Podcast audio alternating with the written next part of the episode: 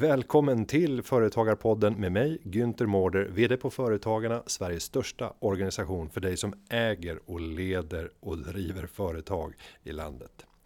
Den här veckan ska vi tala om de frågorna som finns högt upp på agendan, både inom politiken, inom näringslivet och säkert hemma hos dig som företagare när du är ett hushåll.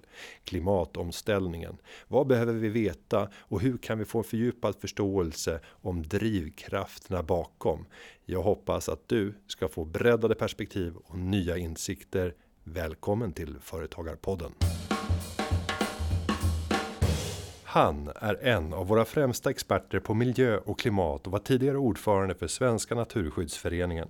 Sedan mars 2021 arbetar han som universitetslektor i klimatledarskap vid Uppsala universitet. Vi säger varmt välkommen till Mikael Karlsson. Tack så mycket. Kul att ha dig här i podden. Ja, jätteroligt. Du har bytt organisationslivet som jag lever mot universitetslivet. Hur är det? Jo, men det känns bra. Samtidigt som det för mig inte är ett så stort byte eftersom jag påbörjade en gång i tiden mina doktorandstudier och jobbade som lärare på universitet innan jag eh, blev vald till ordförande i Naturskyddsföreningen. Så forskningen har funnits vid min sida hela tiden. Och eh, ja, miljöorganisationerna, de stora, arbetar också med vetenskap som eh, Eh, redskap. Det är ju vetenskapen som visar för oss eh, både vilka miljöproblem som blir och vad de medför för effekter och eh, vilka lösningar som finns. Och om vi ser till just klimatfrågorna så har ju de kommit att ta en gigantiskt mycket större plats nu än för bara låt oss säga tio år sedan. Mm. Det har varit en väldigt snabb omställning. Vad har varit den främsta drivande faktorn bakom att den här frågan har seglat upp och blivit som en av de absolut största frågorna i samhällsdebatten? Jag tror att det kanske är två saker. Det ena är insikten om hur oerhört dyra Eh, klimatförändringarna och effekterna blir. Och ett genomslag för det var en eh, stor granskning som Tony Blair när han var premiärminister i Storbritannien bad Sir Nicholas Stern att göra. Det kallas Stern Review. När han kom 2006-2007 så förstod väldigt många fler att det här är helt ohållbart. Ehm, det andra tror jag är att de invändningar som har funnits ganska länge mot klimatåtgärder har en efter en eh, fallit. Eh, när jag började med de här frågorna för 25-30 år sedan då sa man ofta att eh, klimatåtgärder är dåliga för sysselsättningen. De leder inte till tillväxt utan tvärtom. De gör att företagen flyr landet och vi får försämrad konkurrenskraft och ingen kan bo kvar på landsbygden. Nu vet vi att det inte är så. Tvärtom kan vi skapa jobb med klimatinvesteringar och inte minst svenska företag, både stora och små, visar ju att eh, klimatarbetet är lönsamt och gör att man kan stärka sin position både på inhemsk marknad och i exportsammanhang. Min uppfattning är ju att eh, självbilden i Sverige inom de flesta områden är rätt god. Mm. Och om vi då tittar på området eh, eh, Eh, klimat och att anpassa sig och göra allt som är möjligt för att minska sin negativa klimatpåverkan. Om du får sätta en skala från 0 till 10 och placera in Sverige här i relation till övriga länder och då betyder det en, en 10 är att man är topp 10 av av länderna. Är vi en tia eller är vi en bit bak? Sverige började ju med miljöfrågor väldigt tidigt. Eh, när jag föddes 1969 så fick Sverige miljöskyddslagen som det hette då, som sen blev miljöbalken ihop med andra lagar. Och under hela den här tiden så har Sverige varit en, en föregångare. Men de senaste 5-10 åren så har ju många andra länder också avancerat och gått om Sverige. Eh, jag gillar den här rankingen av länder som, som sker av eh, bland annat europeiska organisationer som tittar på klimatfrågor. Och första, andra, tredje platsen brukar man lämna tom. Och sen så kommer några nordeuropeiska länder på plats 4, 5, 6. Men det är klart, om man ska tvinga in världens alla länder i 10 procentenheter så hamnar ju Sverige fortfarande i toppen. Och vi har ju mycket goda möjligheter att fortsätta vara det allra bästa landet i världen på klimatåtgärder, klimatpolitik, klimatarbete i företag. Men vi är inte riktigt där idag. Jag är lite orolig för att vi börjar tappa. Och om vi går tillbaka till 60-talet som då kan sägas vara en startpunkt för det mer medvetna svenska klimatarbetet.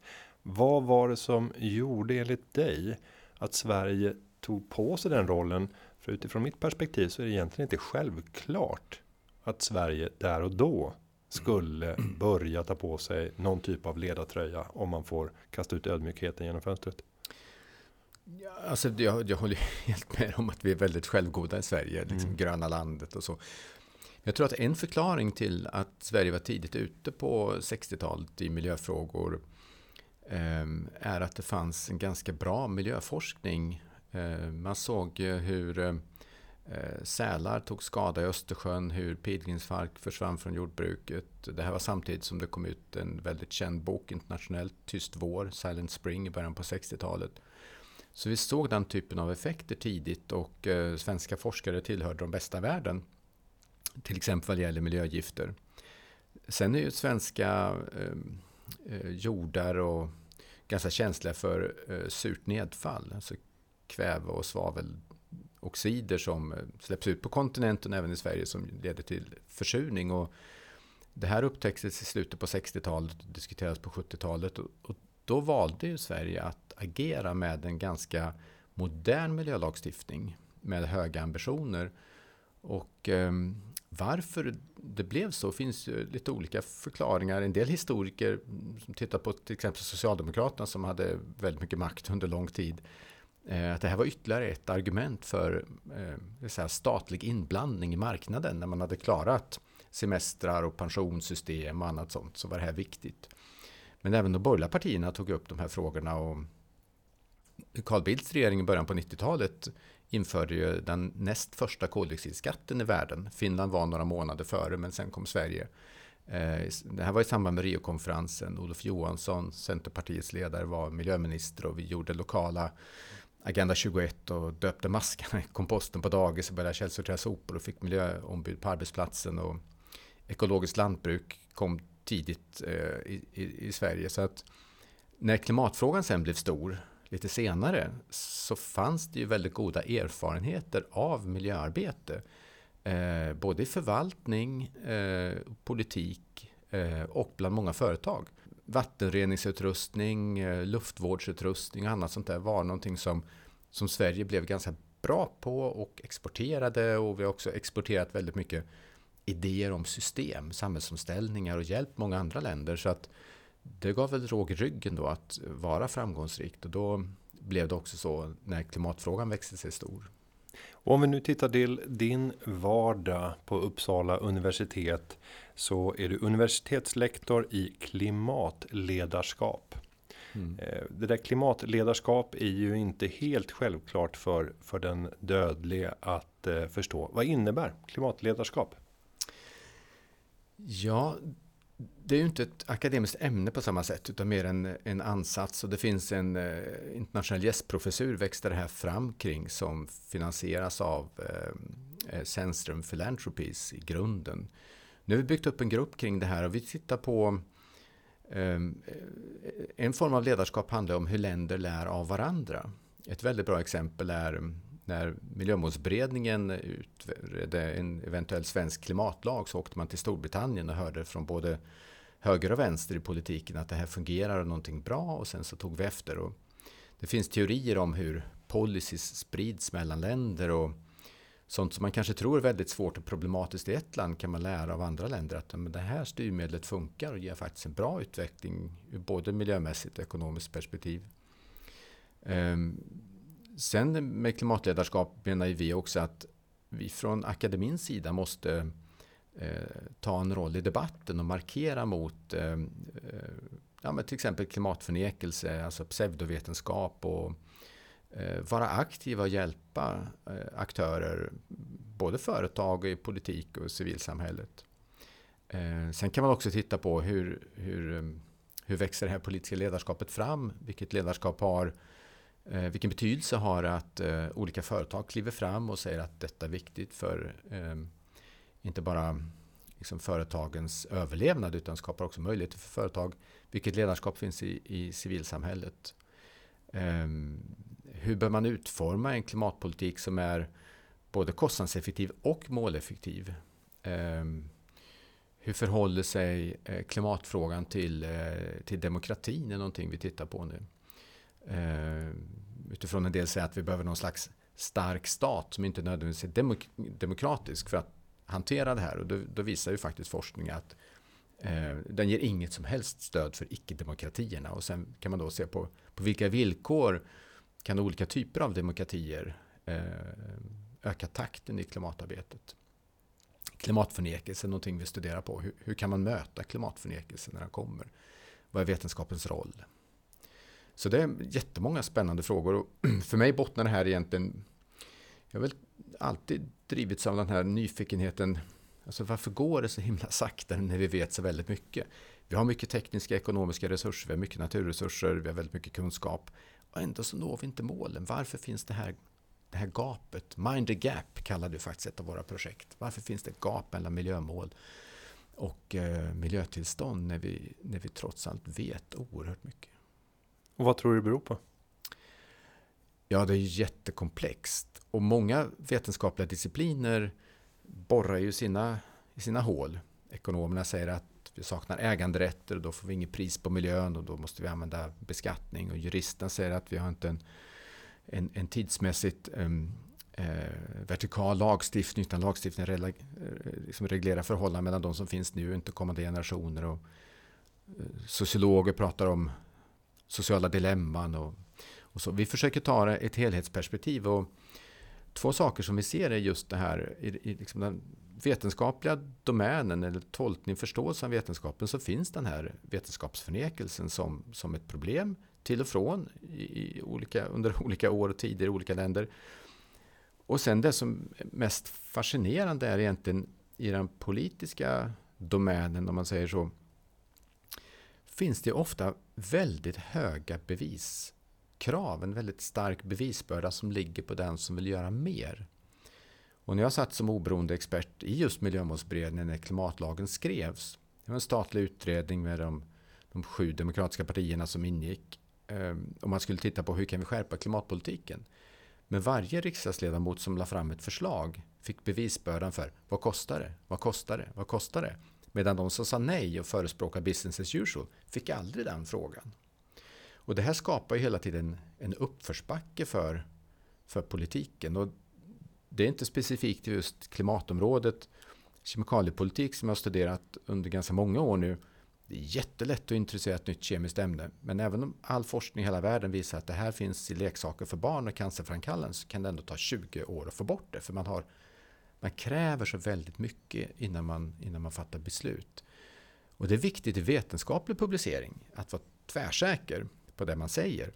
Men i politik så kanske man liksom kan sänka beviskraven och, och istället argumentera för en slags försiktig linje.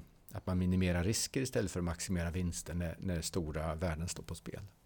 Om vi tittar nu på Arbetet med att vidta åtgärder som minskar vår negativa klimatavtryck så kan man ju dels titta på vilka politiska reformer kommer som påtvingar förändringar. Vad gör näringslivet själva och av vilken logik och hur ser det ut för hushållen när det gäller deras vilja och då kan vi ta det här med ledarskap. Vem är det som leder utvecklingen om vi tvingar oss att förhålla oss till den här treenigheten med det offentliga, vi har de privata företagen och vi har hushållen. Ja, men jag tycker det är jättesvårt att liksom singla, singla ut någon eh, enskild, eh, liksom enskild yta i samhället. Man kan nog säga så här att i stort sett alla miljöproblem, om vi ska lösa dem utifrån om vi har riksdagens miljömål som utgångspunkt eller EUs mål eller internationella FN-avtal och sånt så krävs det politik eftersom Eh, de flesta miljöproblem innebär att man överutnyttjar en allmän resurs där vi just inte har äganderätter och vi har koordineringsproblem mellan företag och individer och individer mellan länder och, och så. Och politikens roll är förstås att göra det dyrt och svårt att, att gå emot miljömålen och lätt och billigt att, att gynna miljömålen. Så om vi inte har en sån politik i grunden som åstadkommer det, och då kan man diskutera vad det betyder det i detalj då? Och hur väger man mellan saker? Men om, om den politiken inte finns på plats, ja, då kan ju företagen inte åstadkomma särskilt mycket. Då blir det väldigt svårt. Eh, om vi, som i världen idag, investerar alltså, miljard, mångmiljardbelopp i subventioner till fossila bränslen så det är klart att det är jättesvårt att, att ställa om eh, Eh, och få fram förnybar energiteknik. Och så är det ju tyvärr i världen. Då. Det här betyder samtidigt att det finns ett, ett enormt stort kapital som vi subventionerar fossil eh, energi med, som skulle kunna flyttas över eh, och, och, subventionera eh, förnybar eh, energi. Och, och, så vidare. Och det finns så många spelregler i politiken. Det, det, det är ganska förmånligt för en arbetsgivare, en arbetstagare att ha ett gymkort. Du, liksom, du får ekonomiskt fördelaktigt om du cyklar på gymmet. Men, men cyklar du till jobbet? Nej, då, då, måste du ha en bil. Så vi skapar ju, det finns ju ingen liksom, naturvetenskaplig förklaring till det. Det finns inte ens en ekonomisk förklaring till, till, till sådana saker. Så att, eh, politiken måste förändras. Men det som jag tycker är intressant nu, som jag sa då, att när jag började med de här frågorna så upplevde man ofta att miljö och ekonomi stod i motsatsförhållande. Idag är det faktiskt tvärtom. Vilket betyder att när, när politiker försvagar klimatpolitiken och regeringen nu har ju sagt i sin egen budgetproposition att utsläppen kommer att öka. Då kommer det en starka röst en dag från svenska företag. Inför valet, debattartiklar med hundratals företag och nu efter valet får jättemycket kontakter från företag som vill påverka politiken och undrar vi var ju överens om en spelplan om de här olika styrmedlen som vi kan prata om med reduktionsplikt och vad de heter. Fram till 2030. Vi har investerat. Eh, stora företag investerar miljardbelopp och jättemånga små och medelstora företag är förstås beroende av det här. Och nu har man liksom i flera år styrt om siktet i hållbar riktning och så, och så drar man undan mattan. Vilket påverkar hela transportsektorn, fordonsindustrin, jättestora aktörer som otroligt många tusentals företag är beroende av. Och sen så höjs det röster nu att ja, men den här omställningen i Sverige med, med grönt stål, ja, den ska vi väl inte stötta. Och, och då har vi liksom en annan ryggrad i svensk industri som äntligen börjar ställa om till grönt stål för att få bort kolet som var relaterat till processen att tillverka stål. Så man skapar så jättemycket osäkerhet. Så för att sammanfatta då, utan en förändrad politik så kommer vi aldrig klara målen. Men idag finns ju inte det politiska ledarskapet. Idag ser jag liksom att det är civilsamhället och miljöorganisationerna väldigt ofta ihop med näringslivet som driver på. Och näringslivet har en omistlig roll. Om näringslivet tystnar nu i klimatfrågorna, då har vi inte en chans att nå målen. Och om vi tittar på näringslivet så kan vi dela upp det i de stora gigantiska företagen som ofta bildar någonstans sinnebilden av det svenska näringslivet. Mm. Sen har vi den myriad av småföretagare som vi på Företagarna företräder som i allt väsentligt utgör den dominerande kraften egentligen i ekonomin. Mm. Men det är så fragmenterat i sin mängd så att det, det drunknar och får inte alls lika stor uppmärksamhet. Men om vi tittar just på småföretagens roll i relation till storföretagen? Ser du några likheter eller skillnader i de beteendeförändringar som kan sägas vara positiva i en klimatomställande riktning när du jämför små mot stora? Ja, alltså det här skulle man behöva studera för att säga som forskare. det, det, det är inte jag gjort. Men, men min bild utifrån att också ha jobbat som rådgivare åt väldigt många företag ett antal år nu är ju att jag ser ju en oerhörd kraft och entusiasm och ett starkt engagemang i hållbarhetsfrågor från små lokala företag till stora multinationella företag. Ehm, och jag tänker att det ena är en förutsättning för det andra. Ehm, för att många små företag eh, skulle kunna bli en, en, en liksom flaskhals. Att man inte levererar utrustning som behövs till storföretagen eller man, man inte efterfrågar produkter. Men det kan ju också bli en väldig drivkraft. Och det ena eh, tycker väl jag mig se ändå sporrar det andra i någon slags eh, positiv spiral. Och det är det som jag ser nu eh, också. Det är ju inte bara de stora företagen som går ut och har synpunkter. eh, nu vad gäller till exempel förnybar energi, utan det är också många små företag som, eh, som kanske jobbar med, med biogas eller som jobbar med att använda förnybara bränslen eller som jobbar med energi och eleffektiviseringsåtgärder. Eh, så att eh, det är en, en, en väldigt positiv utveckling och, och, och den rör sig häpnadsväckande snabbt och ibland blir jag så här helt konfunderad över vad var det som hände. Eh, återigen Miljömålsberedningen, eh, när jag satt där och, och såg partierna förhandla, då var det många experter från olika delar av näringslivet som satt med också. Och stålindustrin bland annat sa ju hela tiden, det går inte, det går inte. Vi är emot klimatmålen, vi är emot klimatlag och till och med emot det klimatpolitiska rådet som ska ta fram kunskap. Jättekonstigt. Och så blev partierna överens över blockgränsen, fast de hade tuff debatt i riksdagen och i media hela tiden. Så när de fick sitta ner i lugn och ro i ett par års tid och på basis av kunskap och input från olika organisationer lyckades vi faktiskt göra det som då var den allra mest ambitiösa, tuffaste klimatlagen och klimatmålet i hela världen. Eh, över blockgränsen. Det är fantastiskt att se. Eh, inte ens då så tyckte stålindustrins representant att, eh, att det här går. Och kort därefter, när politiken hade lagstiftat om klimatlagen, så sa man hybrid. Och inte till 2045 som var politikernas år, utan helt plötsligt kunde man kunna göra det tio år snabbare. Det som, för, det som var omöjligt. Så det visar ju politikens roll. När politiken enas och, och stiftar lagar och, och ger långsiktig eh, förutsägbarhet, då kan man ställa om. Och helt plötsligt så tog de på sig ledartröjan så det går tio, tio år snabbare. Tänk om de hade sagt det i utredningen. Politiken hade blivit ännu bättre. Eh, så det är många sådana här väldigt positiva överraskningar eh, som, som, kan ta alltså, ganska stora kliv framåt. Och jag ser att det är bra både för stora och små företag. Det är klart, stora företag kan, har, har ju ett helt annat kapital att bygga upp en miljöstab, eh, skaffa sig kunskap som små och medelstora företag in, inte alltid har.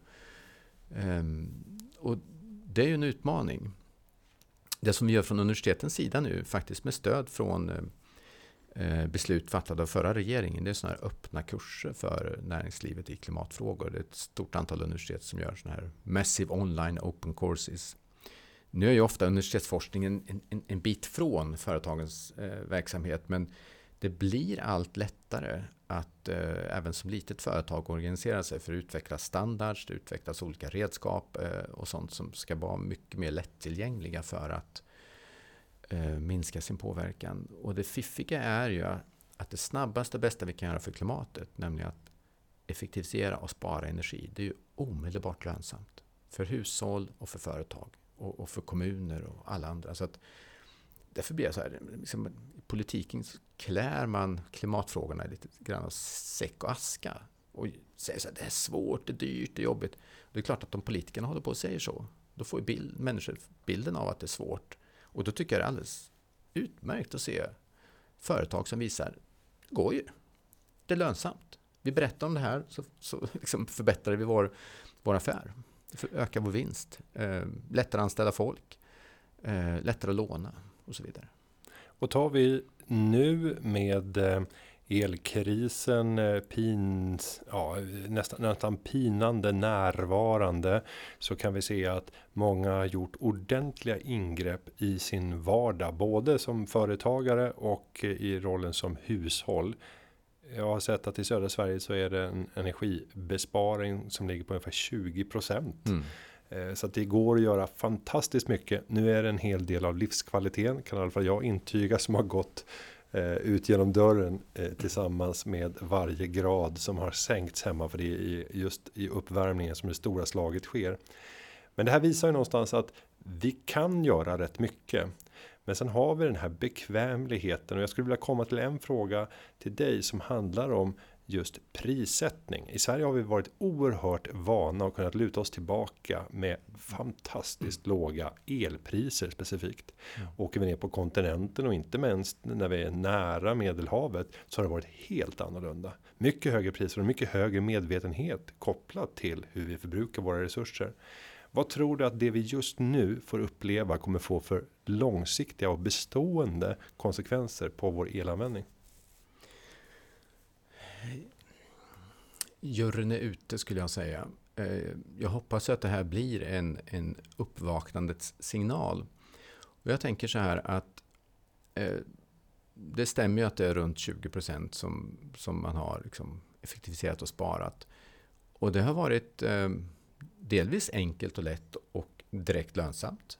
Alltså, låt inte saker stå på i onödan, den typen av åtgärder.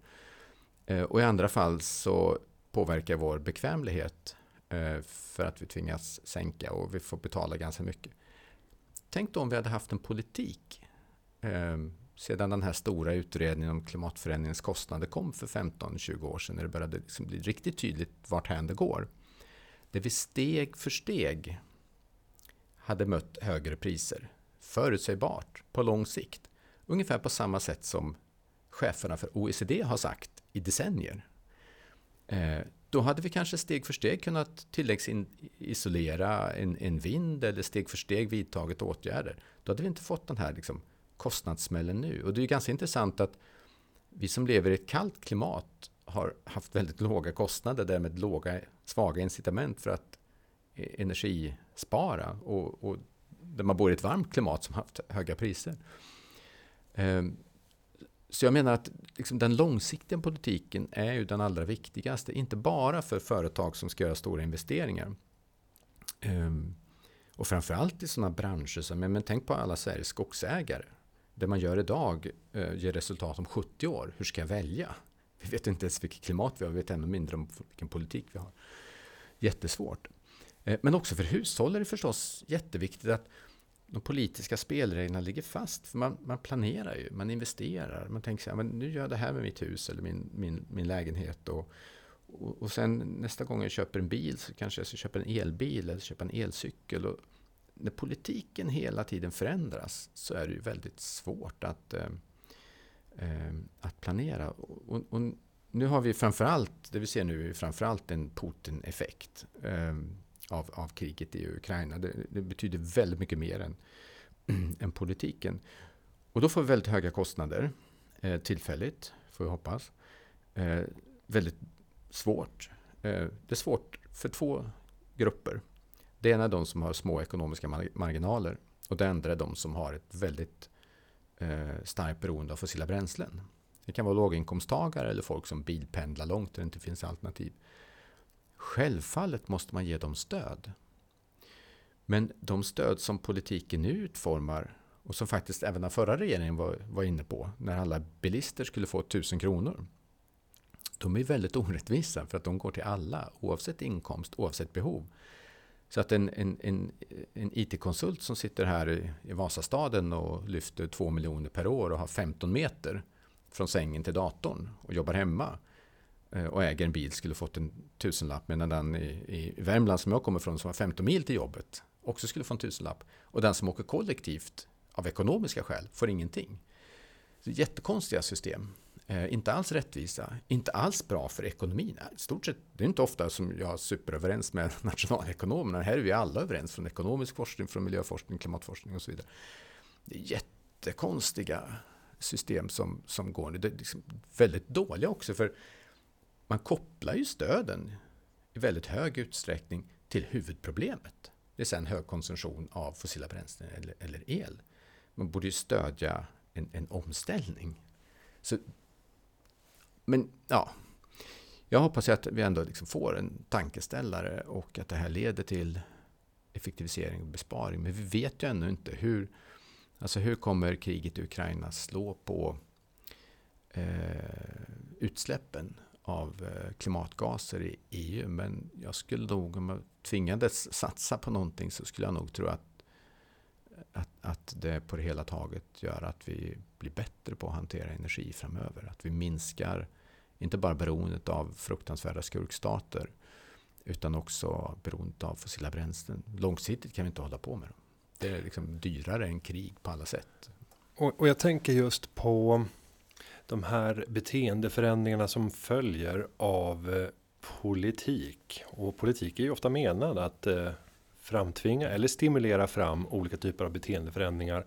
Nu december, januari, februari för förra året får vi till och med säga eh, och förra året så kom det ju ett elprisstöd om en krona per kilowattimme under de tre månaderna och i södra Sverige fick man även för för eh, den fjärde månaden mars. Och då satte man en begränsningsnivå på 2000 kilowattimmar.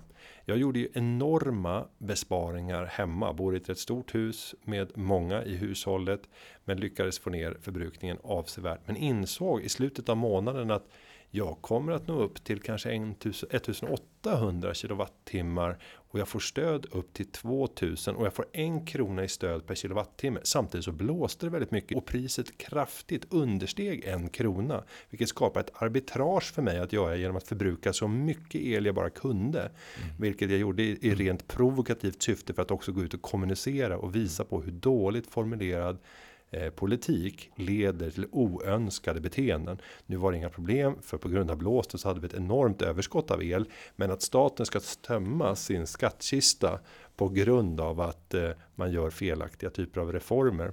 Va, vad tänker du när du ser den typen av av eh, välvilligt inställda säga, förslag som man har lagt och sen effektuerar, men som leder till helt märkliga beteenden. Ja, nej, men som jag sa, det är ju Nej, men det är inte bra på något sätt. För det innebär ju också att de som verkligen har svårt eh, får ju mindre stöd. Det blir mindre stöd att eh, sätta in i lantbruk eller åkerier eller folk som verkligen har ett starkt beroende av eh, fossila bränslen som har små ekonomiska marginaler. Så jag, jag har ingen förståelse alls för den politiken. Så på många sätt så var ju 2022 ett, ett förlorat år för klimatpolitiken i Sverige där partier lite grann tävlade om eh, vilka kan avveckla klimatpolitiken eh, snabbast.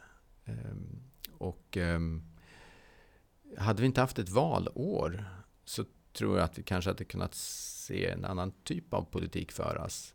Eh, och det allra bästa hade varit om förra regeringen eller den här regeringen nu eh, kunde förmå sig, eller förmått sig då förut, att räcka ut handen över blockgränsen. Och precis som man gjorde i pandemin. Eh, pandemin var en kris under en eh, förhoppningsvis nu begränsad tid. Där det ändå fanns ett ledarskap som bad folk göra sånt som människor inte annars gör. Eh, man hade mycket väl kunnat tänka sig att oppositionen direkt hade börjat kritisera regeringen och sagt ni ska göra si och så här istället och allting sånt. Men på något sätt så höjde man sig ändå över. Och svensk politik är ju så, alltså partierna är ju överens om, vad kan det vara, 90-95% av budgeten väldigt ofta. Åtminstone på kort sikt, eh, kanske ännu mer och är väldigt överens i många frågor. Men man vill ju gärna polarisera och bryta ut och konfrontera, eh, särskilt under ett valår. Så kanske hade det inte varit valår i fjol så är det fullt möjligt att vi hade fått en en politik över blockgränsen. De hade enats om en mycket bättre spelplan.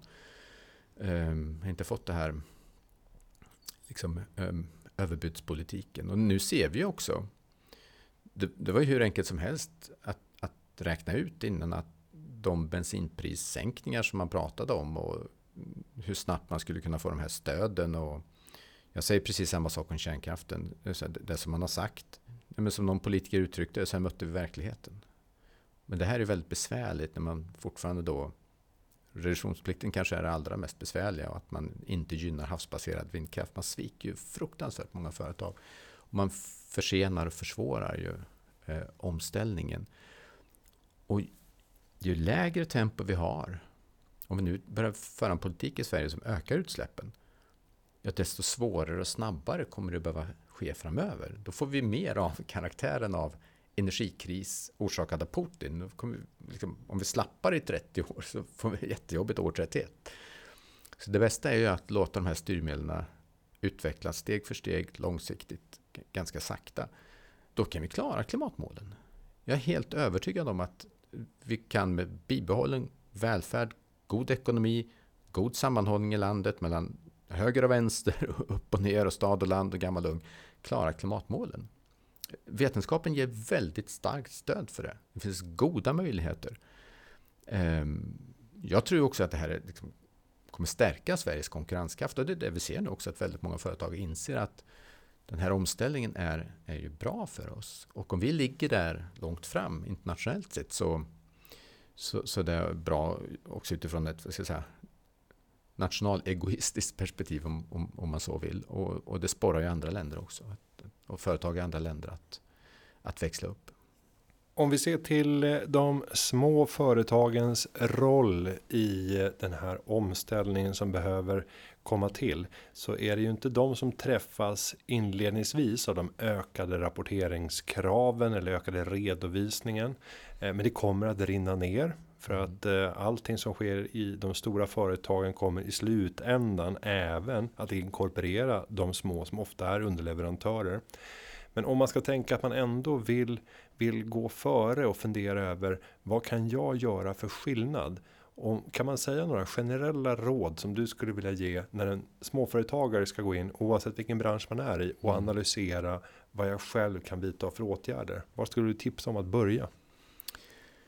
Ja, om man tänker sig någon slags teknisk eh, eh, tekniskt svar på frågan så är jag svårt att se att det inte finns något företag eh, som inte kan göra väldigt mycket mer vad gäller att effektivisera sin energianvändning. Eh, liksom I kärnverksamheten nära eller, eller liksom längs med kedjor. Eh, man pratar om de här olika skopen på utsläpp. Då. Ehm, men vi behöver inte bli tekniska, men det kan de flesta göra. Och de flesta åtgärder när man gör inventeringar det kan även gälla bostadsrättsföreningar, vad som helst. Visar att det finns väldigt många lågt hängande frukter som på kort sikt eller omedelbart är lönsamma. Och det är någonting som är viktigt att berätta också. För, för effektiviserar du energianvändningen så, så leder det i förlängningen till minskad klimatpåverkan och minskad miljöpåverkan. Annars tänker jag mer organisatoriskt så skulle jag vilja säga två saker. Det första är att man behöver skaffa sig en egen bild av var finns Eh, påverkan på klimatet eller om det är biologisk mångfald eller vad man nu liksom tittar på, de globala målen.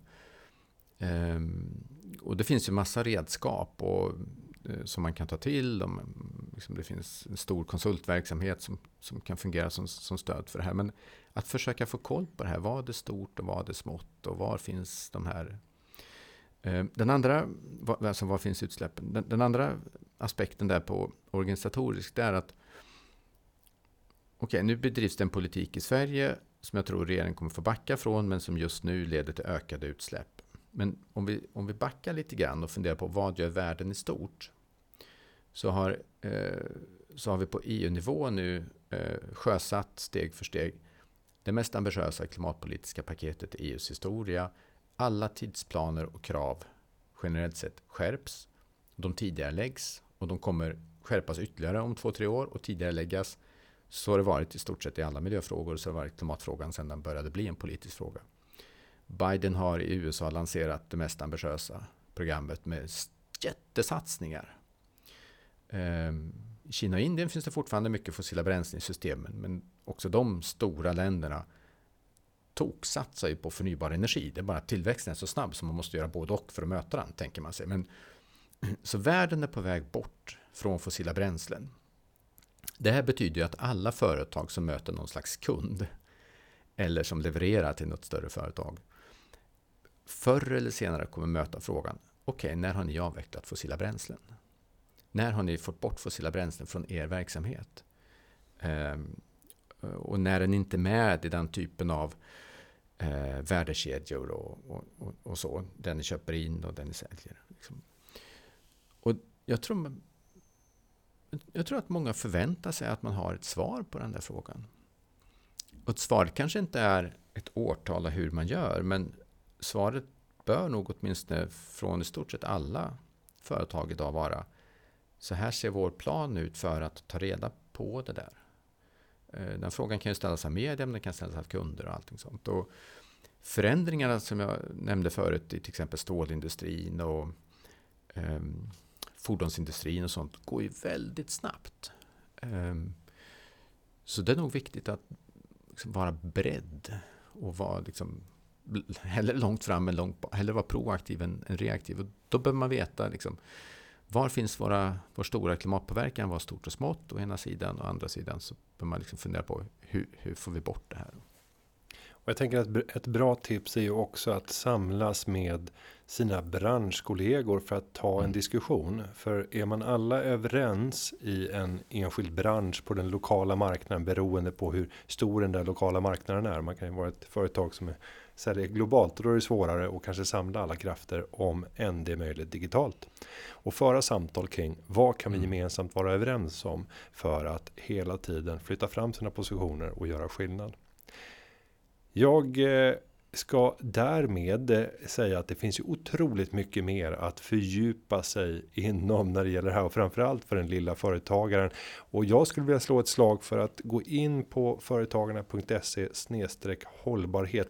Där finns det mängder av inspiration vad andra företag har vidtagit för åtgärder, hur man paketerar, marknadsför, vad man gör och hur det här kan återspeglas kanske i en prissättning som gör att man får betalt för allt det arbete man har mm och också bygger starkare kundrelationer genom högre lojalitet.